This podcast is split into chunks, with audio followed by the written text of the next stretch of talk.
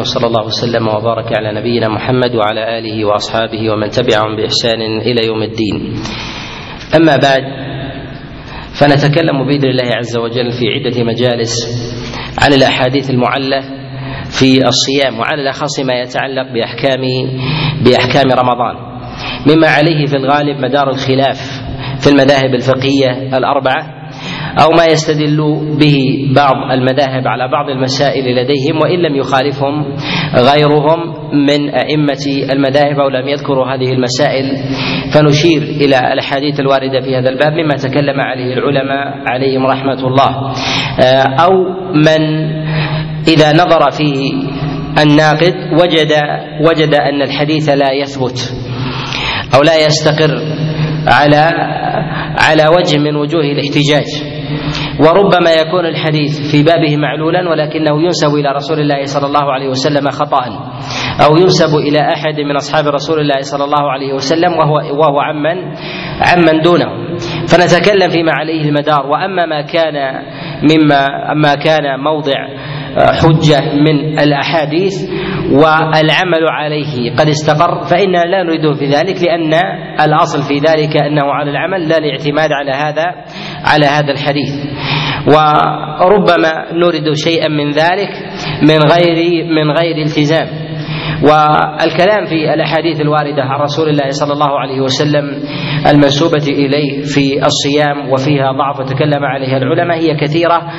كثيرة جدا. ولكن ما يدور في أبواب في بابنا هنا هو ما يتعلق بالأحاديث المروية عن رسول الله صلى الله عليه وسلم وفيها خلاف من جهة من جهة العمل بها عند العلماء. فيكون عليها المدار في بعض أحكام الصيام مما يتعلق بما جاء رسول الله صلى الله عليه وسلم في في قضاء الصيام على المجامع وكذلك أيضا في كفارته وكذلك ما يتعلق بالقبلة للصائم وغير ذلك من الأحاديث التي نتكلم عليها بإذن الله عز وجل في في موضعها.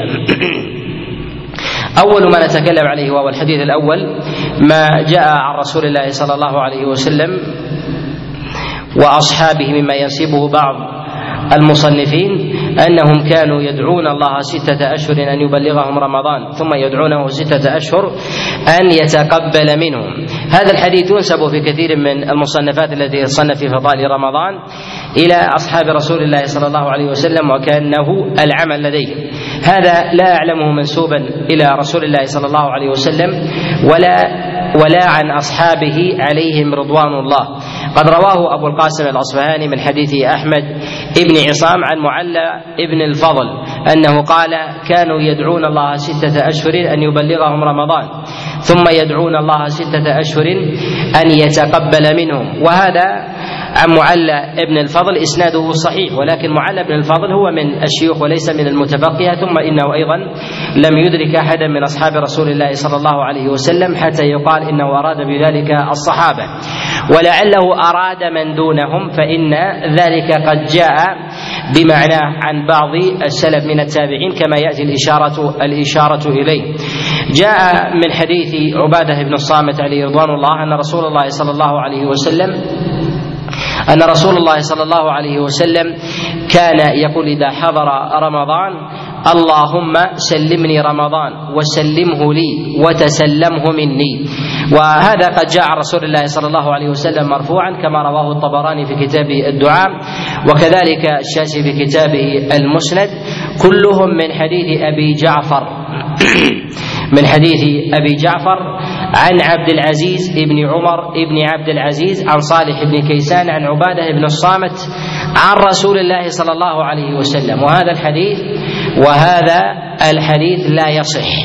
وذلك أنه معلول بجملة من العلل. أول هذه العلل أن صالح بن كيسان لم يسمع من عبادة بن الصامت وبينه وبينه مفاوز فإنه إنما ولد بعد وفاة عبادة بن الصامت عليه رضوان الله تعالى. كذلك فإنه قد رواه أبو جعفر الزبيري يرويه عن عبد العزيز بن مح... عبد العزيز بن عمر بن عبد العزيز.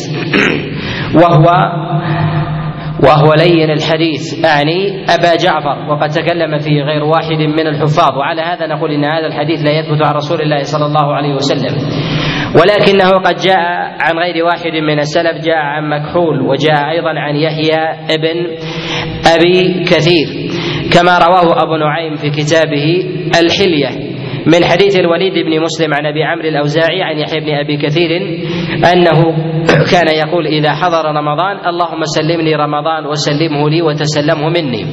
وجاء أيضا عن مكحول وهذا قد جاء من حديث النعمان النعمان بن المنذر عن مكحول أنه قال ذلك قال ذلك بنحوه. وأما عن رسول الله صلى الله عليه وسلم فلا يثبت من ذلك فلا يثبت من ذلك شيء.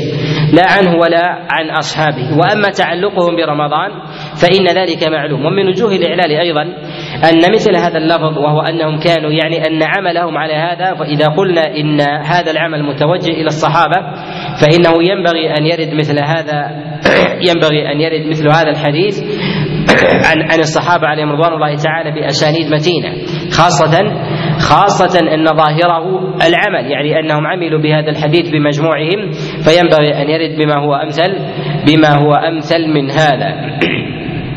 ويأتي معناه وهو حديث اللهم بارك لنا في رجب وشعبان وبلغنا رمضان. وهذا يظهر أن النبي صلى الله عليه وسلم يقوله في مطلع في مطلع رجب. وإلا لما قال عليه الصلاة والسلام اللهم بل اللهم بارك لنا في رجب وشعبان.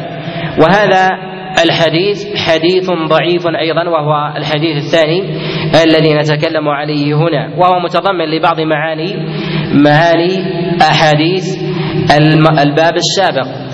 وهذا الحديث حديث حديث ضعيف وذلك أنه قد رواه الإمام عبد الله بن أحمد في زوائد المسند وكذلك رواه الطبراني في معجمه الكبير ورواه ابن السني في عمل اليوم والليلة والبيهقي في الشعب وغيرهم من حديث زائدة ابن أبي الرقاد عن زياد النميري عن أنس بن مالك عن رسول الله صلى الله عليه وسلم أنه كان يقول إذا دخل رجب اللهم بارك لنا في رجب وشعبان وبلغنا رمضان.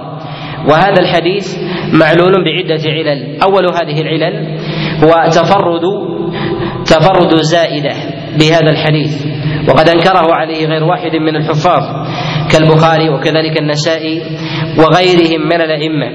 وكذلك فإنه قد تكلم في روايته وأنه يتفرد بأحاديث مناكير.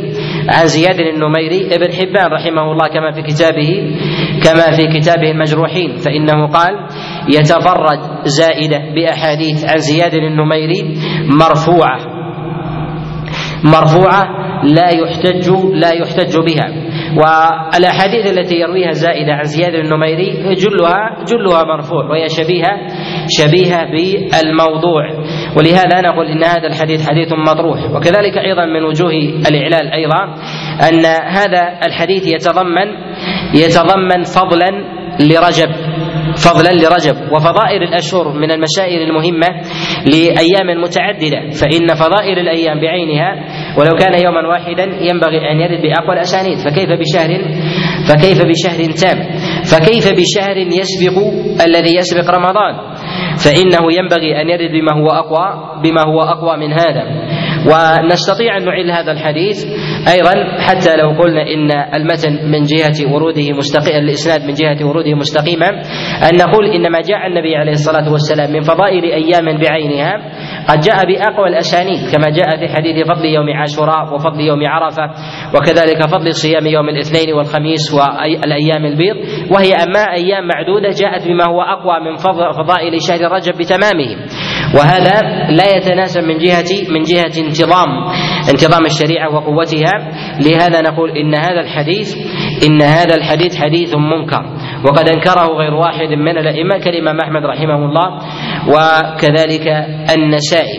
ولم يثبت عن رسول الله صلى الله عليه وسلم فضل لرجب وإنما ما ثبت عنه أنه كان يصوم رجب. وهذا قد رواه الإمام مسلم رحمه الله في كتابه في كتابه الصحيح. من حديث سعيد بن جبير أنه سال عبد الله بن عباس عن رجب فقال كان رسول الله صلى الله عليه وسلم يصومه حتى نقول لا يفطر ويفطر حتى نقول لا يصوم. وإنما كان النبي صلى الله عليه وسلم يكثر من صيام رجب فيما يظهر أنه يسبق رمضان فإن النبي عليه الصلاة والسلام كان يكثر من صيام شعبان وذلك تهيئة لرمضان وتوطئة له كما جاء في حديث عائشة وهو في الصحيح. وكذلك أيضا فإن صيام النبي عليه الصلاة والسلام لرجب لكونه يسبق شعبان. والأزمنة القريبة من الأزمنة الفاضلة تشاركها بشيء من الفضل تشاركها بشيء بشيء من الفضل. وهذا يدرك وهذا يدرك في مجموع النصوص. ولهذا نجد أن الشارع قد فضل كثيرا من الأعمال. أن الشارع قد فضل فضل كثيرا من الأعمال لتعلقها بعمل جليل القدر كمسألة الجهاد في سبيل الله فإن الله فضل المرابط وكذلك وكذلك من جهز غازيا وغير ذلك. ولهذا أيضا كذلك أيضا يقال إن فضل المسجد الحرام قد جاءت فيه الأدلة وما حوله فإنه يليه من جهة الفضل وما حوله أيضا وكذلك أيضا في فضائل الشام. فالله عز وجل بارك في المسجد الأقصى وما حولها. لهذا نقول من جهة فضائل البلدان وفضائل الأعمال وكذلك فضائل الأشهر فإنها تأتي من جهة الفضل بحسب تقاربها. إلا أنه لا يتعبد لله عز وجل بعبادة مخصوصة في مثل هذه الأزمنة والأمكنة إلا بدليل مخصوص إلا بدليل إلا بدليل مخصوص. الصيام ثبت عن رسول الله صلى الله عليه وسلم ولكنه قد جاء عن بعض السلف أنه كان يكره صيام رجب كله. وثبت هذا عن عبد الله بن عمر كما رواه الإمام أحمد في كتابه المسند من حديث عبد الله مولى أسماء أن أسماء بعثته إلى إلى عبد الله بن عمر تسأله أنه كان يحرم المياثر وصيام رجب كله. فقال إن صيام رجب كله صيام الدهر. ويعني أنه يرى أن صيام شهر تام هو صيام هو هو صيام الدهر الذي نهى عنه الشارع. لهذا نقول إن صيام الشهر التام هو من صيام الدهر المنهي عنه إلا ما دل عليه الدليل. ونستنبط من ذلك مسألة أن صيام شعبان كله أيضا لا يجوز إلا لا يجوز إلا بدليل لأنه مبني على نهي قد جاء رسول الله صلى الله عليه وسلم وهو النهي عن صيام عن صيام الدهر. ولهذا قد جاء عن عمر بن الخطاب عليه رضوان الله تعالى أنه كان يضرب أكف الصائمين في رجب حتى يضعوا أيديهم في الجفان ليأكلوا. وذلك أن رجب هو من الشهور التي تعظمها تعظمها الجاهلية كما جاء عند ابن أبي شيبة في كتابه المصنف. الحديث خرج عن عبد الله عن عمر بن الخطاب عليه رضوان الله تعالى أنه كان يضرب الأكف حتى توضع في الجفان وينهاهم عن صيام رجب وقال إنه إنه يوم إنه شهر تعظمه الجاهلية.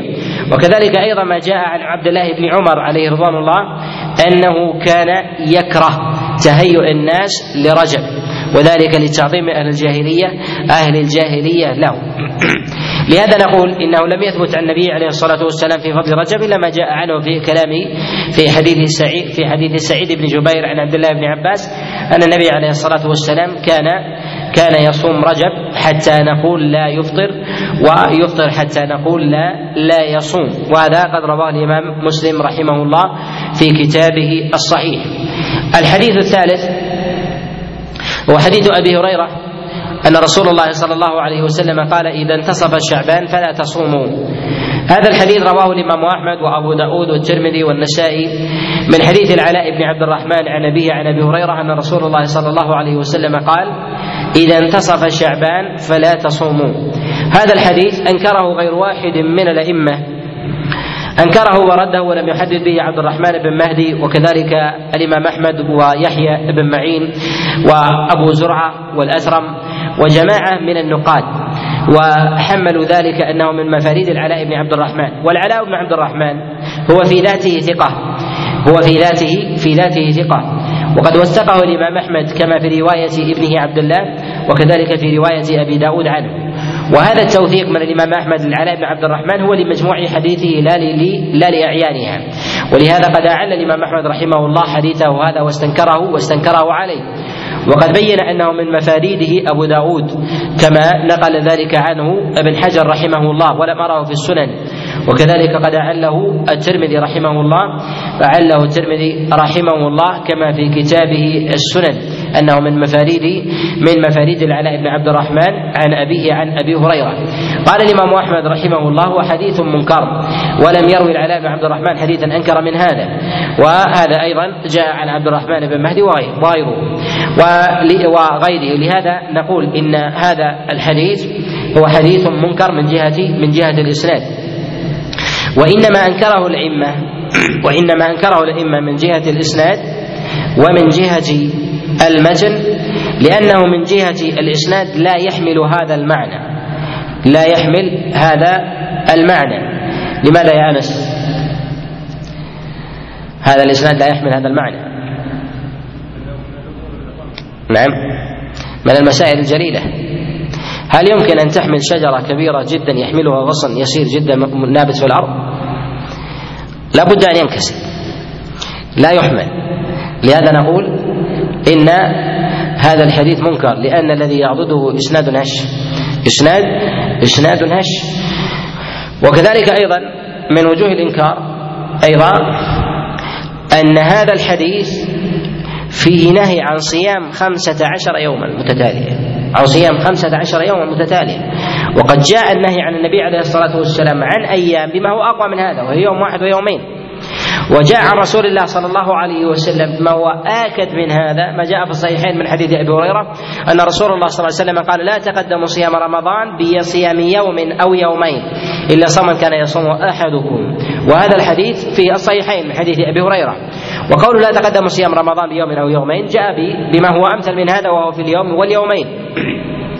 لهذا نقول إنما جاء النبي عليه الصلاة والسلام من النهي من النهي عن هذا لا يحمل ينبغي أن يرد بما أقوى من ذلك. ولو لم يخالف هذا الحديث بمجموع المتون الواردة عن رسول الله صلى الله عليه وسلم فيما يخالفه لوجب أن يأتي بإسناد أقوى من هذا أقوى من هذا. ويجب أن يأتي هذا الحديث بأقوى من الأسانيد التي نهت عن صيام يوم الشك والتي نهت عن صيام يوم العيد وأيام التشريق. ينبغي أن يكون هذا الحديث أقوى أقوى منها لأنها أيام لأنها أيام متعددة وهي خمسة عشر يوما ونصف وهو نصف الشهر. لهذا نقول إن هذا الحديث منكر ولا يحمله مثل هذا الإسناد ولا يحمله مثل مثل هذا الإسناد. بعض الأئمة يقوي هذا الحديث وذهب إليه بعض الأئمة من المغاربة كابن حزم الأندلسي وتبع على ذلك الجماعة وكذلك قواه بن عبد البر وغيره.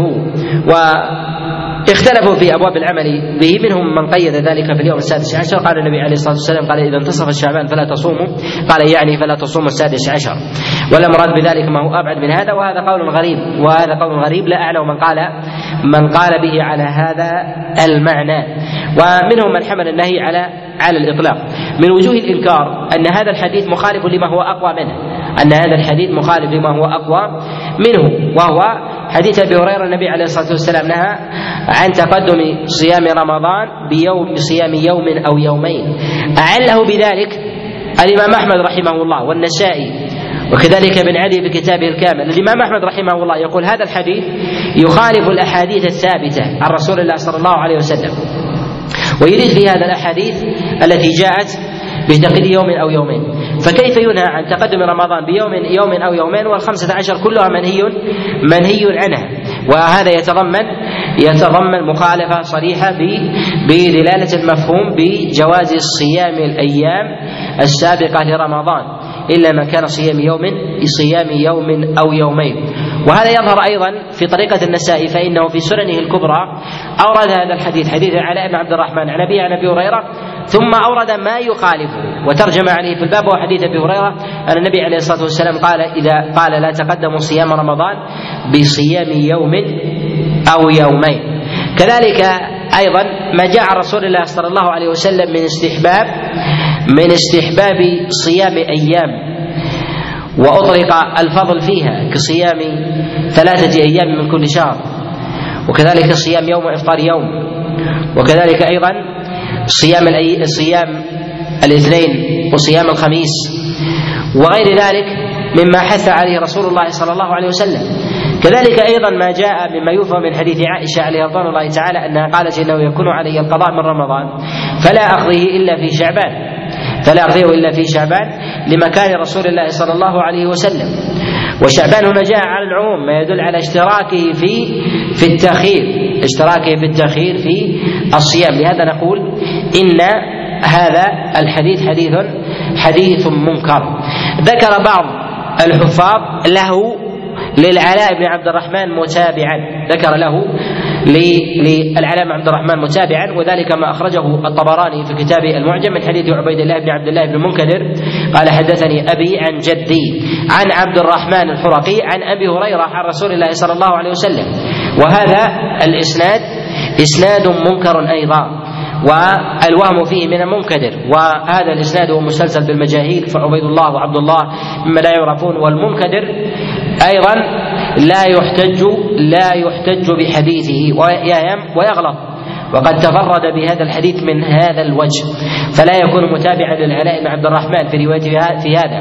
وعامة الأئمة النقاد وعامة الأئمة النقاد يحملون يحملون العلاء بن عبد الرحمن ذلك ولا يلتفتون لمثل هذه هذه المتابعة مع سعة حفظهم وإدراكهم وكذلك نظرهم في أمثال في أمثال هذه هذه الأحاديث.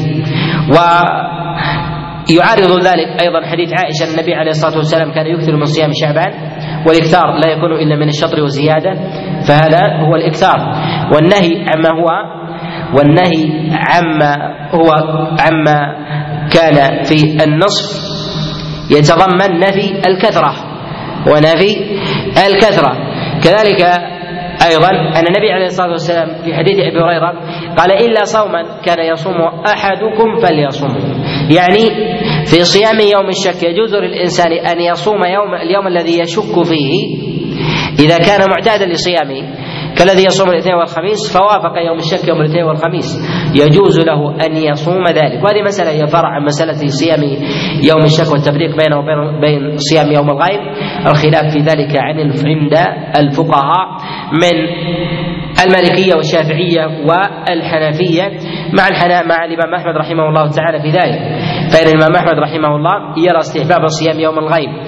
ويستدل في ذلك ما جاء عن عبد الله بن عمر وعمر بن الخطاب وعائشة ومعاوية وأبي هريرة وأبي موسى وغيرهم فإنهم كانوا يصومون يوم الغيب ويقولون هذا ليس بالتقدم وإنما هو بالتحري. وجاء عنه رواية وجاء عنه رواية أنه يوجب ذلك. نقلها عنه بعضهم كابنه وكذلك المروزي وغيرهم. وخلاصة ذلك أن نقول إن هذا الحديث هو حديث منكر لا يثبت من جهة الإسناد كذلك أيضا من جهة المتن فإنه مخالف للأحاديث الأخرى. كذلك فإن من وجوه الإنكار التي ينبغي أن يلتفت إليها أن أبواب النهي كلما اتسعت واتساعها يقع على الزمان على المكان على الأفراد. كلما اتسع النهي وجب أن يقوى الإسناد. وجب أن يقوى الإسناد. النهي الذي يقع على الأمة يختلف عن النهي الذي يقع على فرد. النهي الذي يقع على يوم يختلف عن الذي يقع في يومين وثلاثة. كلما اتسع لابد من أخذ الإسناد. كذلك أيضا في المكان. الحرمة حينما يحرم الله عز وجل بقعة بعينها أعظم من من تحريمه موضعا معين.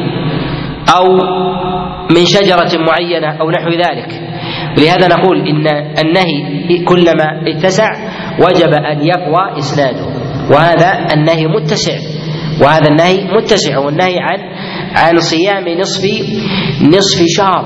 وهذا وهذا ينبغي أن يأتي له نظير. يا أن يأتي له نظير والنظائر في ذلك هي معاكسة معاكسة له. لهذا نقول إنه ينبغي أن تاتي يأتي الأحاديث الواردة الحديث الذي يرد في النهي عن صيام ما بعد النصف من شعبان. أقوى من الأحاديث التي جاءت في النهي عن صيام يوم أو يومين أو ثلاثة أو نحو ذلك. لهذا نقول ينبغي أن يأتي بما هو أقوى من هذا.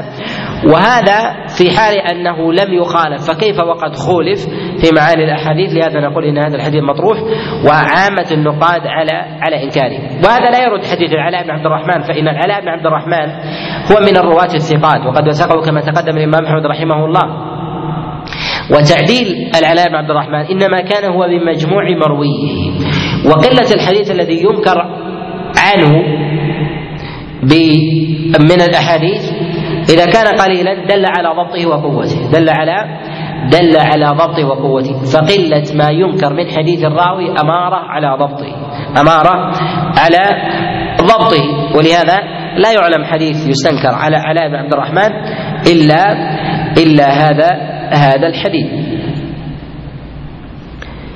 الحديث الذي يليه هو ما جاء عن رسول الله صلى الله عليه وسلم من تبشير أصحابه بدخول بدخول الشهر وحضوره وقربه والتهنئة بذلك. وهذا عن رسول الله صلى الله عليه وسلم جاء فيه جملة من الأحاديث.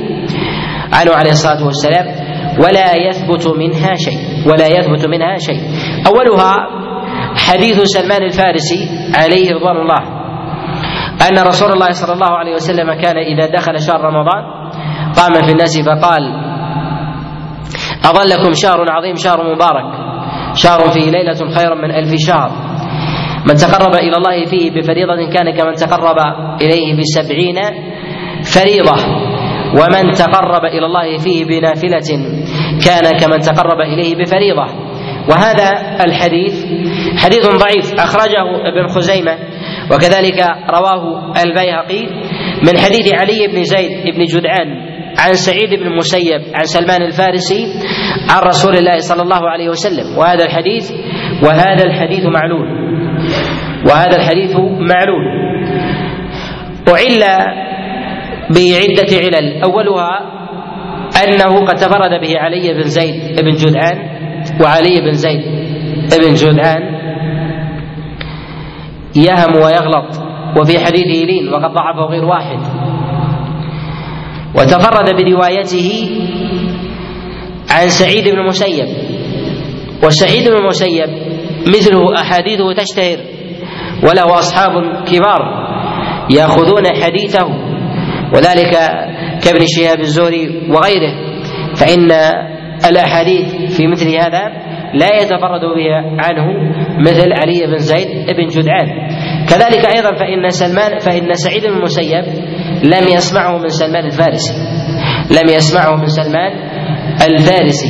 كذلك أيضا فإن مثل هذا الحديث يقوله النبي صلى الله عليه وسلم في جمع يقوله النبي عليه الصلاة والسلام في جمع والناس تتشوف إلى مثل كلامه عليه الصلاة والسلام وذلك في حضور رمضان وقربه وفضله وجلالة قدره ومثل ذلك حري بأن بأن ينقل ولم ينقل عن النبي عليه الصلاة والسلام. وهذا الحديث قد أنكره غير واحد من الحفاظ. قال فيه أبو حاتم كما في العلل منكر وأعله كذلك ابن خزيمة كما في كتابه الصحيح فإنه ترجم عليه ترجم عليه وقال إن صح الخبر.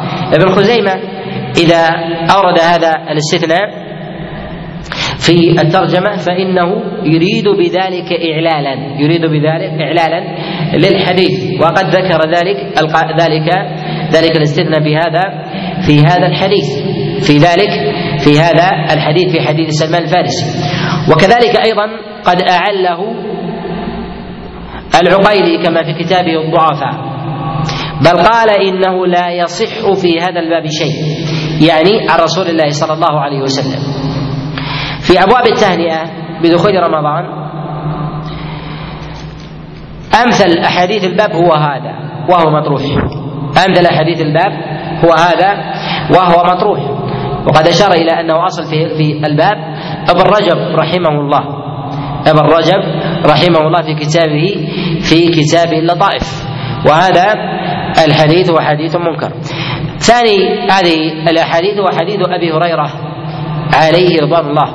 وذلك أن رسول الله صلى الله عليه وسلم كان إذا حضر رمضان قال حضركم شهر رمضان تفتح فيه أبواب الجنة. هذا الحديث حديث معلول يرويه الإمام أحمد رحمه الله وأبو داود النسائي من حديث أيوب بن أبي تميم السختياني عن أبي قلابة عن أبي هريرة أن رسول الله صلى الله عليه وسلم فذكره.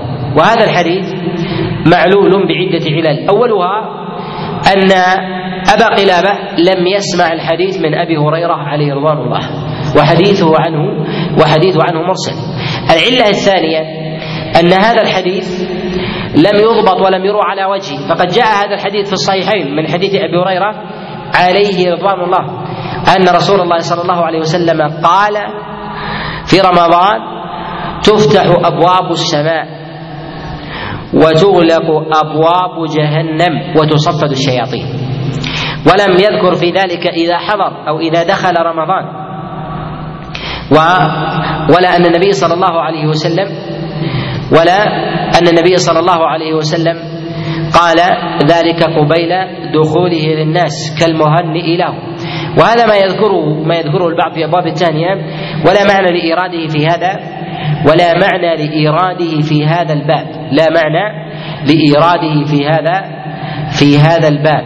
فإنه لا يتضمن تانية وما جاء فيه في قوله إذا حضر فإنه فإنه لا يعني ذلك من أبواب التانية وإنما هو بيان فضل الأعمال. فضائل الأعمال عند عند قربها أو الولوج الولوج إليها حتى يتزود الناس بالعبادة ويتزود الناس بالطاعة ونحو ونحو ذلك. وكذلك أيضا فإن هذا مما يظهر في ظاهر السياق في حديث أيوب عن ابي كلاب عن أبي هريرة أن النبي عليه الصلاة والسلام قاله في مجمع.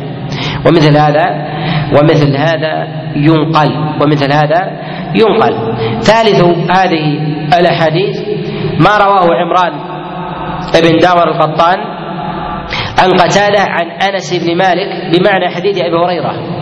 بمعنى حديث أبي هريرة. أنه إذا حضر رمضان قال حضركم شهر رمضان وهذا أيضا معلول فإن عمران بن داور القطان قد تفرد بروايته في هذا عن قتادة وقتاده له أصحاب كبار يأخذون حديثه. كذلك أيضا فإنه يرويه عنه محمد بن بلال. يرويه عنه محمد بن بلال وقد تفرد به بروايته وهو يهم ويغلط. يهم ويغلط في حديثه. وعده بعض العلماء من من مفارده. على هذا نقول إنه لا يثبت عن النبي عليه الصلاة والسلام في التهنئه بدخول رمضان شيء إلا أن الأصل في ذلك استحباب التهنئة في الفضائل وكذلك في الخيرات التي تحصل الإنسان.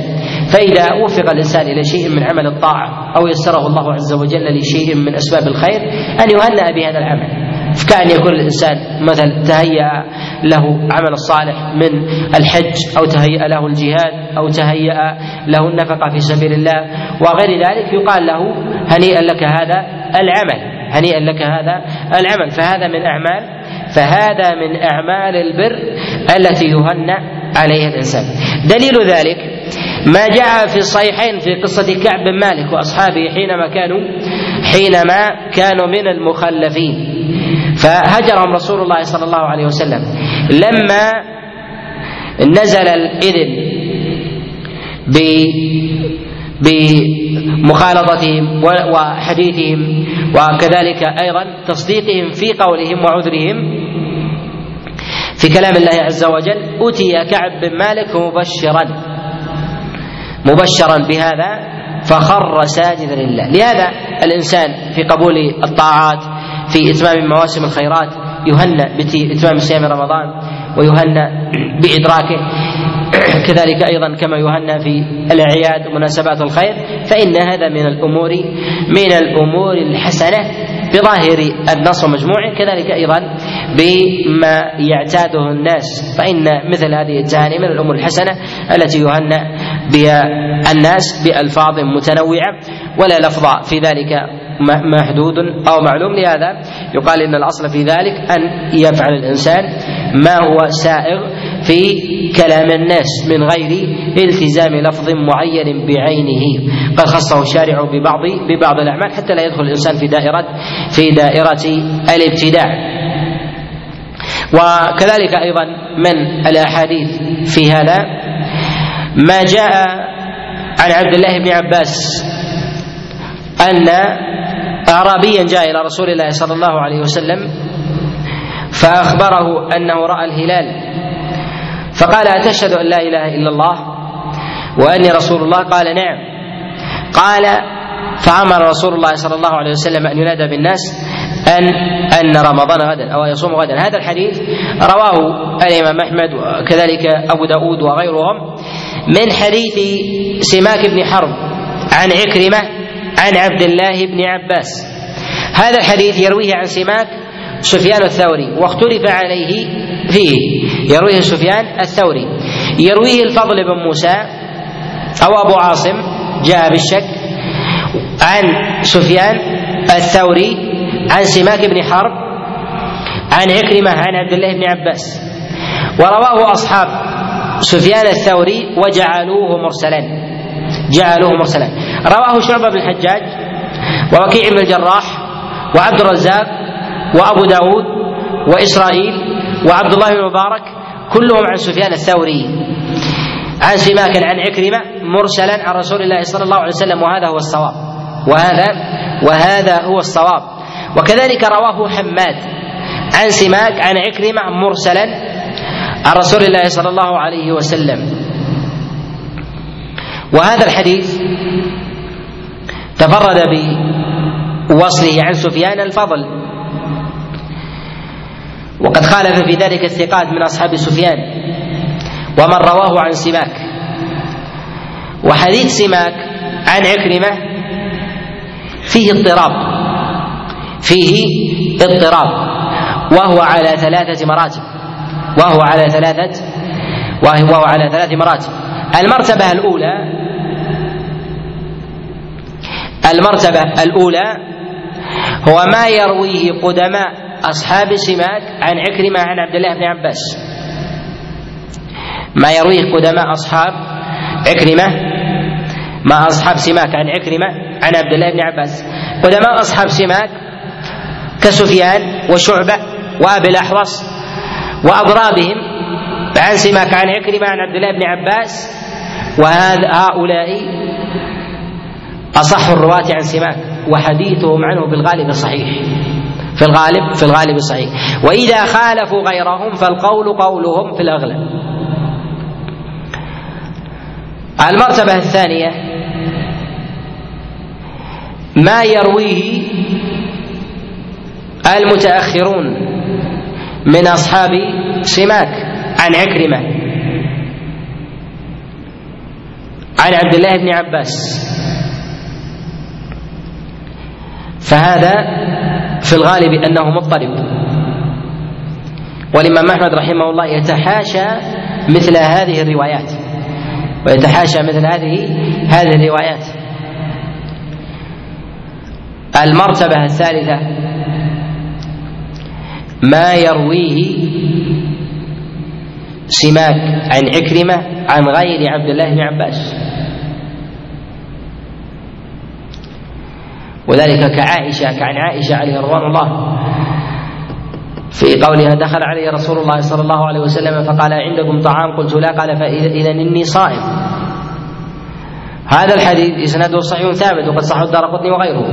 لهذا نقول إن رواية سماك عن عكرمة إنما يقع فيها الاضطراب بقيدين.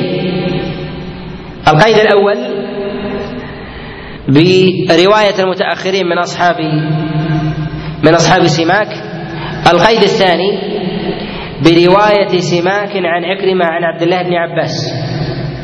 وهذا هو غالب حديث سماك عن عكرمة أنه يكون عن عبد الله بن عباس لا عن غيره. وقليل ما يرويه ما يرويه عن غيره. ولهذا نقول إن هذا الحديث مرسل. صوب إرساله جماعة. كأبي حاتم. والدار قطني. وأحمد. وغيرهم. الحديث الذي يليه وحديث عبد الله بن عمر أنه قال تراءى الناس الهلال.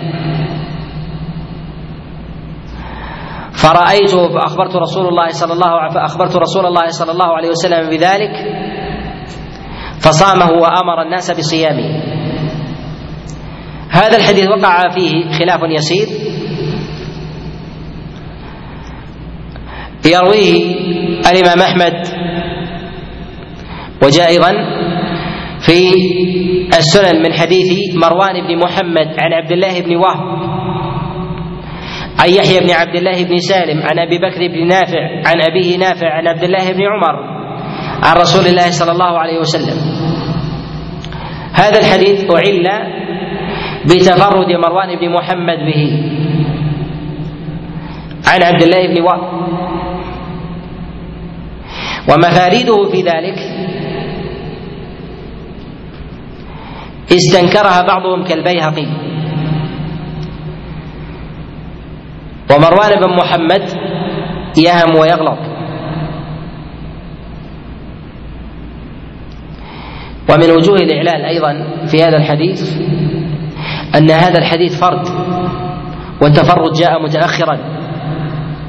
وطبقة مروان بن محمد متأخرة ويروي عن عبد الله بن وهب عن يحيى وروايته في ذلك غريبة. ولهذا استنكر الأئمة عليهم رحمة الله تعالى ذلك. وبعض الأئمة يعمل بهذا الحديث وهو أن دخول رمضان يكون بشاهد واحد وأما الفطر فلا يكون إلا بشاهدين. الفطر لا يكون إلا بشاهدين وحكي الاتفاق على هذا. أما بالنسبة للصيام فبعض العلماء وقال الإمام أحمد إلى أنه يكون بشاهد واحد. قالوا لأن الظنة لا تكون بدخول الشهر الظنة لا تكون بدخول الشهر يعني التهمة ولكن تكون بانصرامه فلا يتهم الإنسان بأنه يريد مثلا انتهاء الشهر والفطر ونحو ذلك فيدعي أنه رأى الهلال. ففي الفطر لا بد من شاهدين. وأما في الصيام فلا يكون إلا من متعبد يتشوف. قال ويغلب على هذا الإنسان الصدق والتحري. وهذا الحديث قد أعله بعضهم بيحيى ابن سالم والصواب أنه ثقة قد وثقه يحيى بن معين وغيره. ولهذا نقول إن هذا الحديث وإن كان إسناده مدني إلا أن الغرابة فيه متأخرة إلا أن الغرابة الغرابة فيه متأخرة. والغرابة كلما تتأخر استنكر الخبر استنكر استنكر في ذلك في ذلك الخبر. والعلماء في هذا اجتهادهم فيه بين مصحح ومضعف والاجتهاد في ذلك سائغ. في حديث عبد الله عبد الله بن عمر وهو محتمل وهو محتمل النكارة ومحتمل ومحتمل التصحيح. ومثل هذا أيضا الذي يكون فيه إشهار الصيام بشاهد واحد في الغالب مثله ينقل ويستفيض مثل ذلك ينقل ويستفيض. وبعض العلماء يقول أن مثل ذلك إذا كان استقر عليه العمل عند الصحابة عليهم رضوان الله تعالى فإن هذا من الأمور السهلة إذا استفاض عند الصحابة. فإنه لا يلزم من ذلك أن ينقله أن ينقله الجميع أو ينقله الأكثر.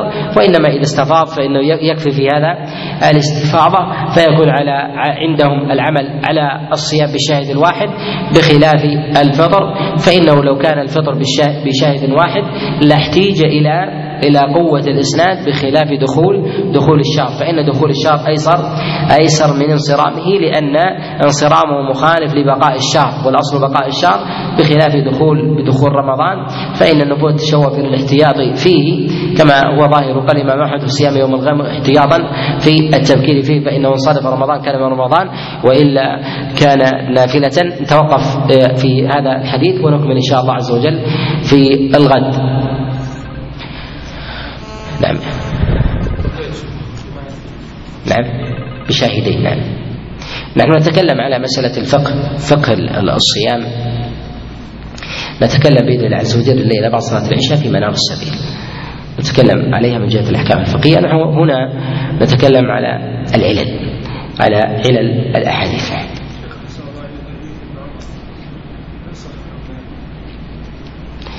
أكثر متأخرين على الصحيح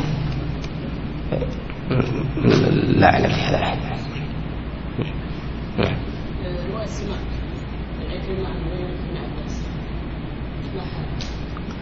الأصل فيها الصحة.